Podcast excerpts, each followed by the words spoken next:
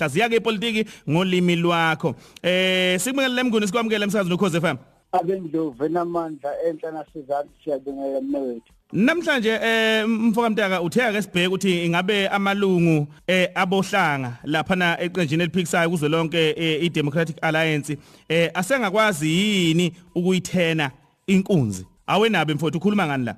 Qale sichaze lenkunzi esikhuluma ngayo sibuza ukuthi sebekwazile yini ukuyithena. Lenkunzi ibizwa ukuthi uDA noma uDemocratic Alliance namhlanje isimbalabala indala yaqala imhlophe kwa eh usuke wenza iphutha nje uma ubuka i-DA manje ukuthi ikhuluma ngonkosikazi Helen Zille kodwa ungabheka umlando wayo ngoba ngo1959 mhla ishaqala ukuhlangana kubunjwa kusekhona United Party o UP eh no no no Progressive Party kwasuka lapho kwayi Progressive Federal Party umlando leyo eh we-DA le esiyibona manje yayiqalwe nje iyinkunzi yabamhlophe ingakufihli lokho isephalamende labamhlophe ilwela indaba ezithinta abamhlophe kwakungelona inkala nephutha lelo inkunzi nje abayiqala bayehlisa konke yakhula yaze yangaka siyazi ke sonke ukuthi Mm. Uma sekuba noguquko ezweni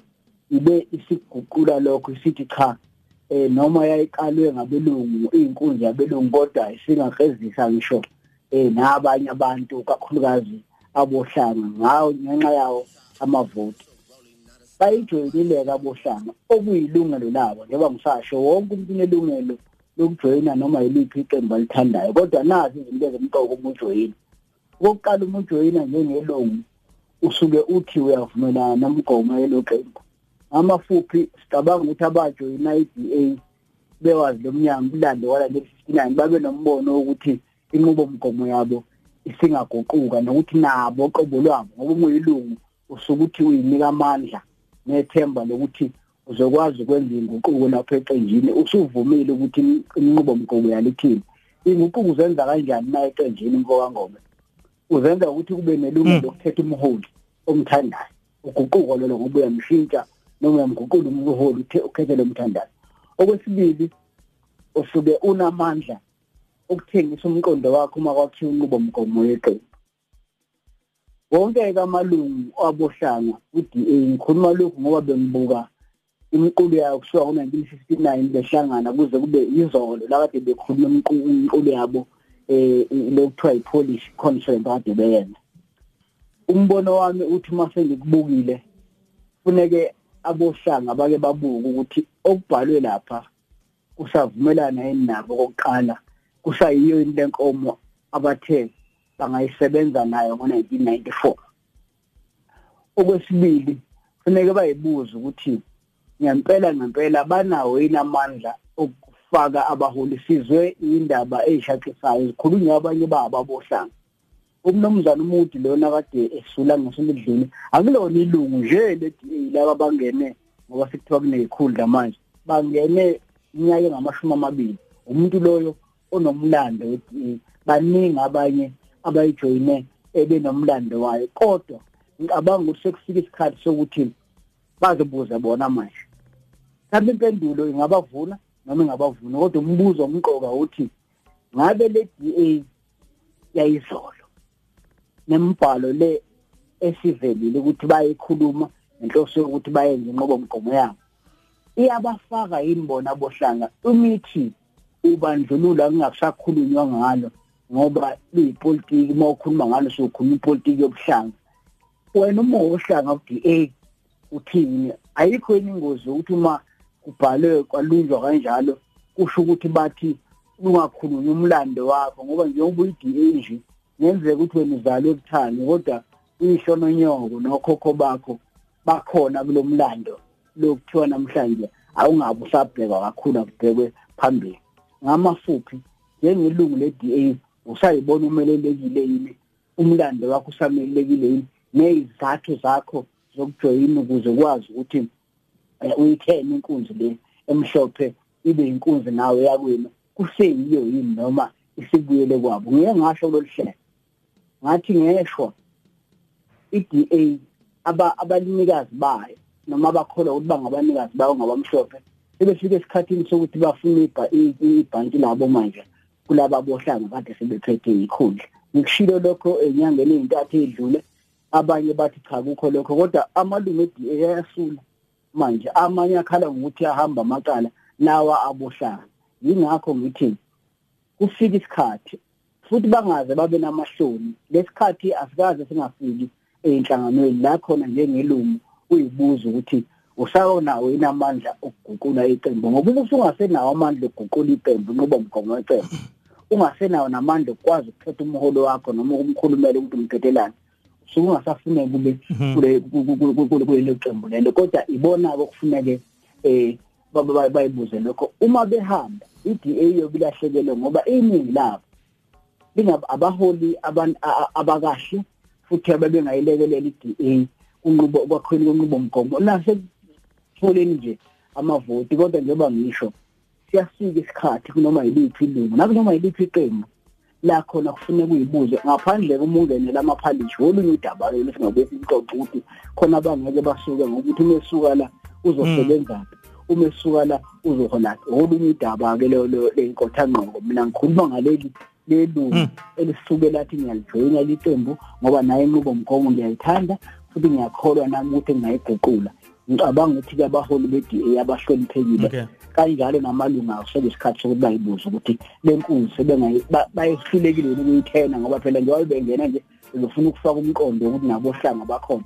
Bahlulekile yini nokuthi basengayithena yini ukuya phambili? Eh sibuya ke sikwazi ukuthi siliphethe kahle udaba lethu nonhlanhla mfoka mtaka. Ngubheka nje ke la uPaulo kabalali bethu. Eh sobheka lapha enkundleni zokuxhumana ngoba ke eh, ama voice note ethu ke athanda ukuthi abe nenkinga. Eh mngune siyabingelela mfowethu kunensizwa la eh ugama layo eh, yabo yabo yabo mnguni ngiyathola namfowethu kunensizwa la ugama layo usiphelele wakasithole lapha emnambithi. Uthi isinqumo seDA sokuthi eh bazokwenza inqunquthela yokukhetha ubuholi eh besebenzisa ubuchwepheshe siveza ngokusobala ukuthi abohlanga bakhishwa inyumbazana ngoba iningi labo abayiqondi kahle lezi zinto zo visual kusho lapha ke usiphelele wakamthembu. Phala wakhe kokuqala lokhu. Futhi owesibili ke la eh uminki ndaba ndaba lapha ke emanzi makhulu uthi ke eh babumntaka umbuzo ke lo wakhe. Babumntaka ibonakala ibathanda ngempela yini abohlanga eh iDA noma basuke benzela nje ukuthuthukisa iqembu labo eh bese ke bebalaxaza kamuva eh kubuza lapha ke uMiki indaba ndaba emazi makhulu eh cishe ukuphawula okubili lokhu imibuzo kanye nokuphawula kaSiphelele Sithole. Eh ungathini lapha mfowethu nomjalmani angiqale ngithi nje ngizophindela kulokhu ngiqale ngakusho ngathi le nkunzi esikhuluma ngayo kuthiwa u-DA kwakuyinkunzi yabelungu ayikaze futhi nayo iphike ukuthi kwakuyinkunzi yabelungu. He uma ufuna ungangikholwa kukumlando wayo hayi ngo-1989 isiyi-democratic party buye ngo-1959 laqala khona inguquko izamile ukuthi ivele njengenkunzi esimbalabala kade imhlophe kwasiyazi ukuthi hayi siyayifuna neminye imbala. Umbono wami ithi ifise ngokunye izenzo ngokunye. Eh iyahluleka kwamanje ukwenza lokho ngezathu eziningana esinye sazo ukuthi ibhekene nenkinga yokuthi abelungu abakhuluma isibhunu sebeyishiyile. Nabanye abelungu abangamangisi bayishiya. Isisemkhankasweni wokuthi ibuyise abantu uma uyiqembu ke bakithi lapha emakhaya kunamanye amaqembu angafani nalawo eniwajwayele yakholelwa asimama ngo-five rand babobulungu. Kunamanye akholelwa ekuthenini iyaxhasa umkhankaso yawo noma bebancane abelungu kade beyifuyela inkunzi yabo lemhlophe bebekwazi ukuthi bayixhase ngemali. Njengoba behamba nje i-DA ayisenayo le mali eyayinayo. Osekuqhamuka amaqembu afana nawo mashaba imikhankaso efana nayo mayimani amaqembu afana no-EFF bayaqala ukuthi bahambe abantu ikwazi naye ngabusaba nayo imali. Ngakho into eyenza ukuthi ibe kulesi simo sokuthi kufuneka ikhethe ukuthi ifuna iningi yini labantu abangabavoti abohlanga abangenamali noma ifuna belungu abancane kodwa bazokwazi ukuyichaza uthi kumbuzo ngabe iyabathanda inabohlanga iyona engayiphendulela kulokho kodwa ngeke isimame uma ingenabo abohlanga ngenxa yesimo sokuvota eningizimu Afrika. Noma uyabathanda noma uyabazonda ekugcineni uyabadinga ngoba kufuneke inqobe ukhetho noma ikwazi ukuthi ingenele ukhetho yenze kangcono uma bekhona abohlanga. Lithi iqembu elinganqoba ukhetho lapha eningizimu Afrika bengekho abehlanga kodwa likhona iqembu elinganqoba ukhetho bengekho abelungu namandla yiko-ke iqiniso lepolitiki yaseningizimu Afrika. Kodwa ngasohlangothini lokuthi umbuzo lo wabo wokuqala othi ngabe bakwazile ukuyithena inkonzi laba bakithi? Angiboni ukuthi bakwazile. Uma ubuka njengoba ngisho ukuthi angikhulumi ngento yakuthanga ngikhuluma ngomqulu abawukhipha izona singise sibhalwe lapha siyangitshela ukuthi ngenzeka ukuthi abohlanga bangenele i-DA iningi labo. Ngeke liname ngoba lenhlangano isiyasuka. Into ababecabanga ukuthi iyona. Ingabhaki sizoba kubona ukuthi bayibuza ukuthi ngabe bona wena njengelungu sayime isakumele lenhlangano wena njengelungu usenamandla yini okuyiguqula? Elami lithi hayi ngeke kwamanje saphunyukile ngafuneka bayohlala phansi abohlanga bakuDA uma benalo indawo la igununzi labalenzayo ke baxoxe ukuthi bona sebezokwenzani ngoba abelungu sebekwenzile lokho baqeda. Lo mqulu leyana njengoba ngisho ngingacela ukuthi bebawufunde angazi noma bazohumusha yini ngesizulu kodwa usho khona hayi siphunyukile kulabo ohlanga okwamanje okungasho ukuthi ngeke bayibambe ngesinye isikhathi. Into emqoka ke kubaholi bayo laba bohlanga ngoba khona abantu abajoyina iqembu ngoba belandelela abaholi. oJohn Muntu ozwakele emncwango ogana ombhala intuli kufuneka phela babuyele kulabantu abajoyina ngenxa yabo bayothi kubona sisabona ukuthi thina isekhona noma isekho lento ngoba ibuhlungu lento ukuthi abaholi uma kade abantu bengene ngenxa yabo. Bese bebona bona sebuyashisa bese usuba bezobikiza bendaba bese sebeyasula eqenjini. Abasabayitsheni icuku lezi akade zize ngabo. Yilo ngithi kufanele benze ubulungiswa bayibuke bona babuke nabantu abeze ngabo baxoxe njengamalungu babone ukuthi basengayithena yini inkunzi. Kodwa kwamanje cha isaphunyukile nabohlanga sibuyele kwabo. Eh sibonga kakhulu mfoka mtaka sibonga kakhulu mnguni.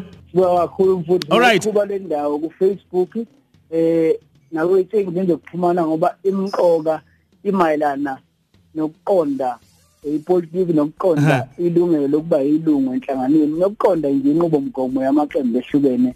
Ngizozama ngawo kamandla ukuthi uma bengakuhumushile lawa bedilo abakubhalile sizama ukuhumusha ukuze bonke abantu bafunde ngoba imqoka leyanto engiyibone ivunywa i-DA izolo ukuthi bayazi abohlanga ukuthi inkunzi sithi siyabonga kakhulu mfowethu.